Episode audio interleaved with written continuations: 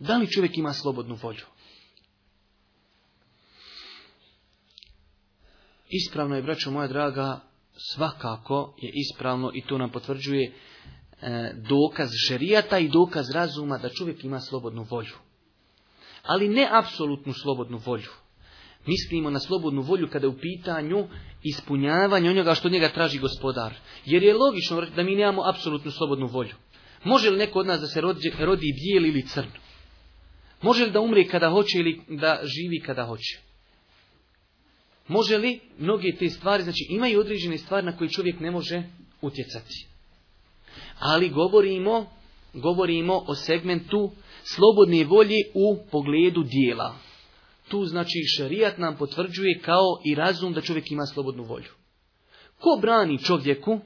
Ko brani čovjeku onome koji ode u kafanu, mjesto kad dođe ovdje na trg, da ode na kafanu, da ode u džamiju. Nikomu ne brani. Normalno on ima oko sebe vojske, kamion. Možda on ne vidi uopšte džamiju da tu ima. Možda konta još srušena. Pa ga okrenu gore. Ali znači čovjek ima slobodnu volju.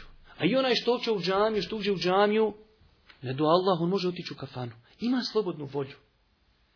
To nam znači razum potvrđuje a i mnogi kuranski ajeti.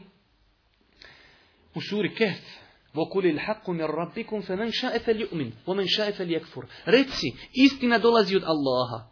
Ako hoće, nek vjeruje. Ako hoće, nek ne vjeruje. Znači, Allah ostavio na izbor. Hoćeš da vjeruješ, evo vjeruj. Nećeš da vjeruješ, ne moraš. Znači, slobodna volja u ovom kontekstu. Zato sam naglasio, znači ne apsolutna slobodna volja, jer mnoge stvari čovjek ne može da djeluje na njih, kao što je ljepota, izgled, širina, debljina, porijeklo i mnoge druge stvari. Znači čovjek tu ne može da djeluje, ali govorimo u pogledu činjenja dobrih dijela.